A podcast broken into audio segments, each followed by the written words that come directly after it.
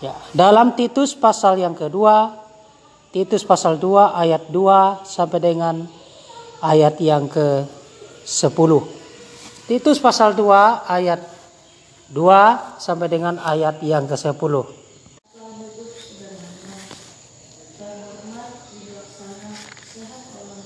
Ya, laki-laki yang tua hendaklah dikatakan di sini hidup bijaksana. Hendaklah hidup bijaksana itu laki-laki yang tua terus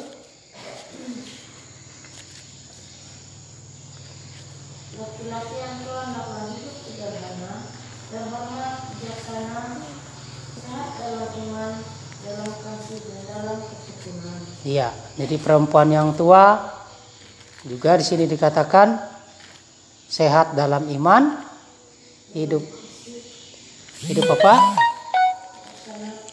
Hidup bijaksana. Ya. Sama ya, baik itu laki-laki yang tua maupun ya perempuan yang tua, artinya artinya orang tua hidup ini sebagai suami istri harus hidup baik itu sebagai suami sebagai laki-laki yang tua. Ya. Haleluya harus hidup bijaksana haleluya. Puji Tuhan. Kemudian lanjut. Perempuan yang muda. Ya kemudian laki-laki yang muda. Apa yang harus dilakukan lanjut baca ayat ini. Ya. mereka hidup sebagai orang-orang beribadah, jangan memfitnah, jangan menjadi hamba anggur, tapi cakap mengajarkan hal-hal yang baik.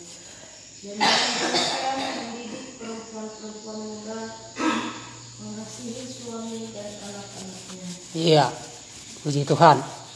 Jadi firman Tuhan mengajarkan kita di sini dalam Titus pasal yang kedua sebagai laki-laki yang tua hendaklah hidup sederhana ya, terhormat, bijaksana, sehat dalam iman, dalam kasih dan dalam ketekunan. Kemudian yang kedua, perempuan-perempuan yang tua. Hendaklah mereka hidup sebagai orang-orang yang beribadah, jangan memfitnah, jangan menjadi hamba anggur, tetapi cakap mengajarkan hal-hal yang baik. Ayat yang keempat. Dan De- dengan demikian mendidik perempuan-perempuan muda mengasihi suami dan anak-anaknya. Ya, dengan demikian sebagai perempuan yang tua menjadi contoh teladan bagi perempuan-perempuan muda mengasihi suami dan anak-anaknya. Ya. Jadi perempuan muda itu ya mengasihi suami dan anak-anaknya. Ya, kemudian ayat kelima Jadi ya hidup bijaksana sebagai perempuan muda, hidup dalam nikah rumah tangganya, hidup bijaksana, hidup suci, terus ya sebagai perempuan muda dalam hidup rumah tangganya itu jangan malas mengatur rumah tangga, tetapi rajin mengatur rumah tangganya. Baik dalam hal keuangan, baik dalam hal ya segala segi hidup rumah tangga harus diatur oleh seorang ibu dalam hal mengatur keuangan ya mengatur waktu. Haleluya. Puji Tuhan. Rajin mengatur rumah tangganya mendidik anak-anaknya. Terus? Ya sebagai perempuan yang beribadah kepada Tuhan ya perempuan muda punya hati yang baik baik hati kepada suaminya kepada anak-anaknya ya dan taat kepada suaminya. Terus? Agar firman Tuhan jangan dihujat orang. Ya kapan kita dihujat orang? Ya kita diomongin orang setiap minggu ibadah. Tapi kelakuan tidak berubah. Suka bergunjing suka ya menunjuk kesalahan orang lain. Mulut ini tidak jadi berkat suka menyalahkan orang. Ini tidak baik. Kita harus menjadi contoh teladan dalam perkataan. Ya, jangan firman Allah dihujat orang. Kita sering ibadah tapi kelakuan sama dengan orang dunia. Jangan ya. Nanti kita dicela orang. Tamam dia sembayang bekas sembayang, tapi kelakuan sama kalau dia sembayang. Nah, ini yang tidak baik. Ya, pengajaran kita dihujat orang. Bertekun ibadah tapi kelakuan, omongan ya tidak baik. Oleh sebab itu kita harus berubah. Kelakuan kita di luar dilihat orang. Karena kita ini ibadah, ibadah, ibadah, tetapi kelakuan tidak baik, nah itu jadi firman dihujat orang. Ya. Lanjut.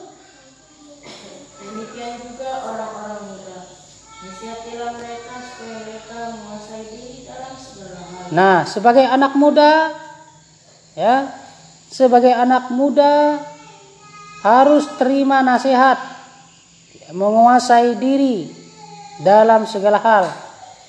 Anak muda itu harus bisa menguasai diri. Kapan dikatakan ya usia anak itu menjadi muda? Yaitu umur 12 tahun ke atas itu sudah dikatakan muda. Ya, tidak anak-anak lagi.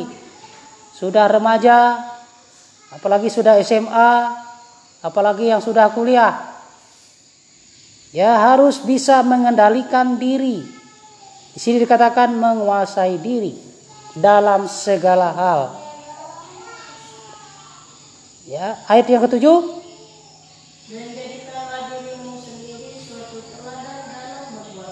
Nah, kita dituntut Tuhan, gereja Tuhan harus menjadi teladan, jadi contoh yang baik. Terus, Hendaklah kau jujur dan bersungguh-sungguh dalam pengajaranmu. ya, Sehat dan tidak tercela dalam pemberitaanmu. Sehingga lawan sehingga lawan menjadi malu. ayat yang ke-8. Sehat dan tidak bercela dalam pemberitaanmu. Sehingga lawan menjadi malu. Karena tidak ada hal-hal buruk yang dapat mereka sebarkan tentang kita. Hamba-hamba hendaklah taat kepada tuannya dalam segala hal. Dan berkenan kepada mereka. Jangan membantah. Jangan curang. Tetapi hendaklah selalu tulus dan setia. Supaya dengan demikian mereka dalam segala hal memuliakan ajaran Allah. Juru selamat kita. Iya. Hamba-hamba hendaklah taat kepada tuannya dalam segala hal. Jadi kalau kita sebagai karyawan, sebagai bawahan, kita harus bertindak. Di sini dikatakan punya karakter taat kepada pimpinan kita. Ya, jangan membantah, jangan melawan. Ya, kepada Tuhan kita, kepada bos kita, kita harus taat kepada Tuhan dalam segala hal, dalam tugas dan kewajiban kita sebagai karyawan. Ya. Jangan korupsi, jangan melakukan hal-hal yang tidak baik. Itu seorang hamba. Supaya apa? Supaya berkenan kepada bos kita, kepada Tuhan. Jangan membantah. Kalau kita sebagai bawahan, jangan membantah, jangan memberontak, jangan melawan. Bisa diatur. Ya. Kemudian hamba-hamba itu sebagai karyawan, sebagai ya pekerja yang baik kita melakukan pekerjaan kita jangan curang. Ya, ayat yang 10. Ya, ayat 10. Jangan curang, tetapi hendaklah selalu tulus dan setia, supaya dengan demikian mereka dalam segala hal memuliakan ajaran Allah Juru Selamat kita. Nah, jadi sebagai karyawan, sebagai pekerja dalam pekerjaan kita di tengah-tengah dunia yang curang, di tengah-tengah dunia yang tidak tulus, di tengah-tengah dunia Ya, orang pada umumnya tidak setia dalam pekerjaan mereka. Kalau ada bos baru mereka kerja baik-baik. Tapi kalau tidak ada bosnya, ya mereka sudah sembarangan saja melakukan pekerjaan mereka dengan tidak bertanggung jawab. Kita tidak seperti itu. Tetapi kita melakukan pekerjaan kita jangan curang.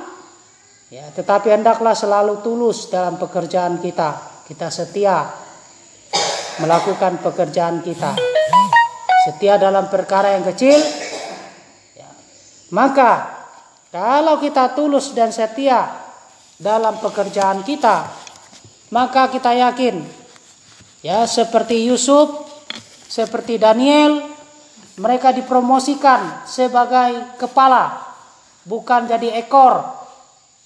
Kalau kita hidup benar, kalau kita hidup melakukan pekerjaan kita dengan baik, maka Inilah dikatakan hidup bijaksana. Hidup sesuai dengan firman Tuhan. Yaitu kita hidup jujur, kita hidup apa? setia. Ya, puji Tuhan. Jadi kalau kita mau sukses dalam hidup ini, kita mesti harus tulus dan setia dalam melakukan pekerjaan kita. Kita baca dalam Lukas 16 ayat yang ke-10. Lukas 16 ayat 10 sampai dengan ayat 11. Mari baca. Ya, Lukas pasal 16 ayat 10 sampai 11. Barang siapa setia dalam perkara yang kecil, maka ia juga setia dalam yang besar. Terus Kalau dia itu tidak setia melakukan pekerjaannya dalam perkara yang kecil saja ia tidak jujur dalam perkara yang kecil. Maka maka hasil akhirnya juga dikatakan tidak jujur dalam perkara yang besar. Ya, perkara yang kecil. Ya, perkara pekerjaan yang kecil. Ia tidak jujur ya apalagi perkara yang besar pasti dia tidak jujur juga. Ayat 16 eh, ayat 11 ya ayat 11 jadi tidak setia dalam hal mamon sebab jika engkau tidak setia dalam hal mamon yang tidak benar yang tidak jujur tidak benar siapakah yang akan mempercayakan kepada harta yang ya Sebab jika engkau tidak setia dalam hal mamon saja tidak benar. Nah, siapa yang mau mempercayakan kepadamu harta yang benar, harta yang sesungguhnya? Ya, kalau soal uang kita tidak bisa benar kelola dengan baik. Soal uang kita tidak jujur, terutama dalam hal perpuluhan. Maka kita tidak akan dipercayakan harta yang sesungguhnya, harta yang benar.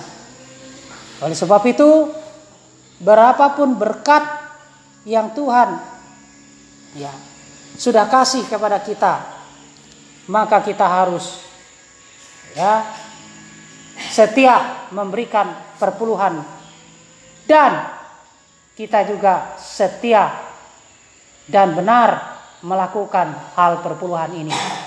Karena perpuluhan ini soal mamon ya, harus benar kita lakukan. Ya. Sebab jika engkau tidak setia ya, dalam hal mamon dalam hal perpuluhan ini tidak benar kita lakukan, maka siapa yang mau mempercayakan kepadamu harta yang sesungguhnya? Nah, jadi saudara, kita harus lakukan ini, yaitu kita harus setia di dalam hal ya mengembalikan milik Tuhan itulah perpuluhan dan harus benar hitungannya. Ya. Kalau 100 ribu berapa perpuluhannya? Hah? 10 ribu. Kalau 1 juta? Hmm?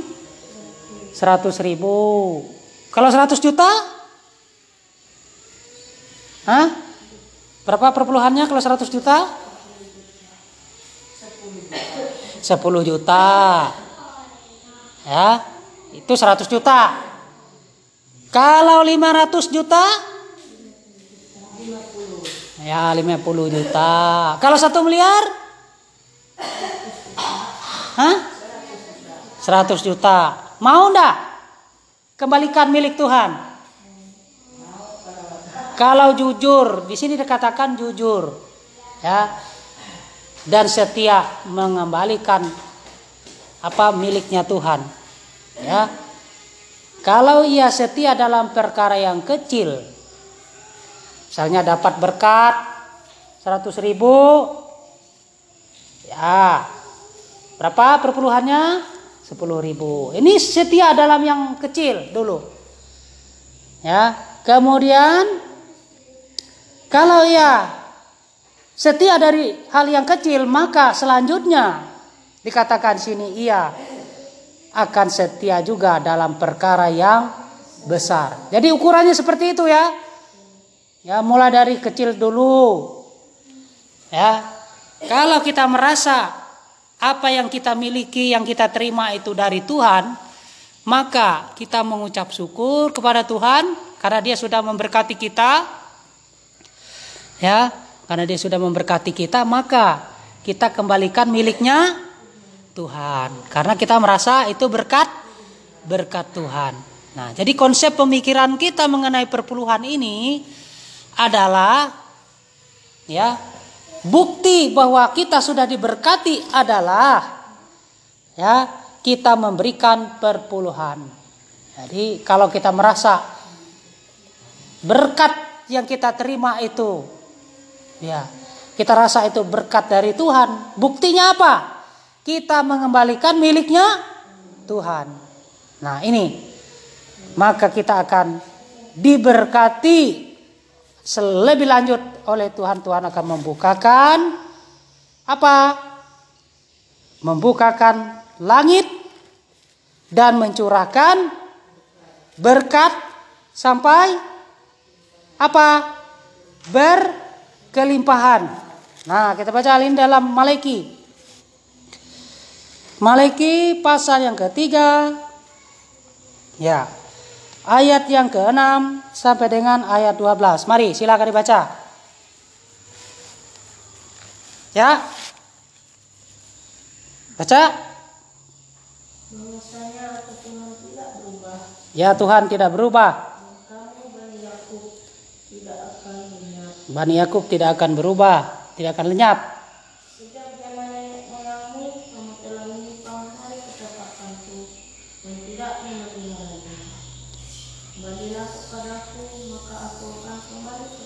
Bagaimana caranya kita kembali kepada Tuhan? Terus?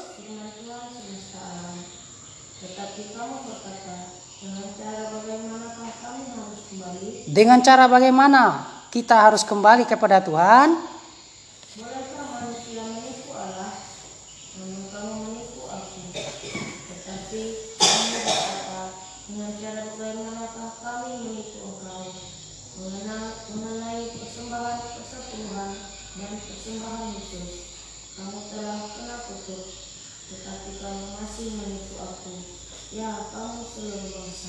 Terus. Bawalah seluruh bawalah seluruh persembahan kesepuluhan itu ke dalam rumah perbendaharaan supaya ada persediaan makanan dan rumahku dalam dan ujilah aku firman Tuhan semesta alam.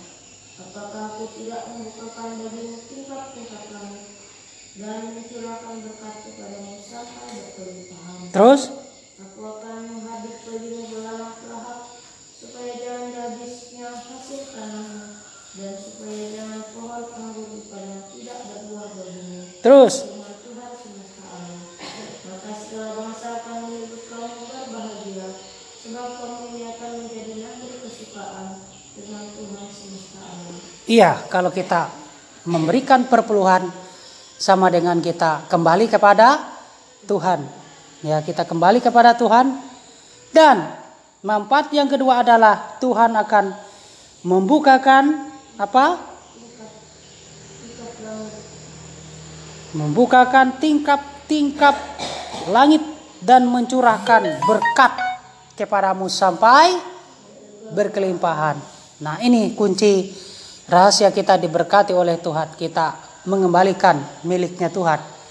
Ya, soal perpuluhan. Ya, yang setia dalam perkara kecil juga setia dalam yang besar. Ya, dan ia yang tidak jujur dalam perkara yang kecil juga tidak jujur dalam perkara yang besar. Jadi kalau kita mau setia dari perkara kecil, maka kita juga akan setia dalam perkara yang besar. Tuhan Yesus memberkati. Mari kita datang kepada Tuhan. Ya. Haleluya, haleluya. Terima kasih Tuhan buat berkat firman-Mu dan kami sudah memberikan persembahan. Kina persembahan kami kiranya berkenan menjadi bawah yang harum menyenangkan hatimu Tuhan. Kiranya Engkau memberkati hidup nikah rumah tangga usaha pekerjaan kami sidang jemaatmu Tuhan. Hal yang sakit Tuhan sembuhkan, yang mengalami kesulitan ekonomi Tuhan memberkati, yang menjauhkan diri Tuhan tarik kembali, sehingga di hari-hari yang lalu, yang hari-hari yang akan datang Tuhan bisa beribadah datang ke rumah Tuhan di tempat ini. Nama Tuhan dibesarkan dan dipermuliakan. Tiba saatnya kami akan pulang ke tempat kami masing-masing. Tuhan kiranya Engkau memberkati kami, membukakan tingkap-tingkap langit, mencurahkan berkat kepada kehidupan kami sekalian. Sedang jemaat yang dikasih oleh Tuhan, pulanglah terimalah berkat, rahmat dan sejahtera dari Allah Bapa, Sang Putra dan Roh Kudus dalam nama Tuhan Yesus Kristus. Orang yang percaya katakan amin. Selamat siang Tuhan berkati.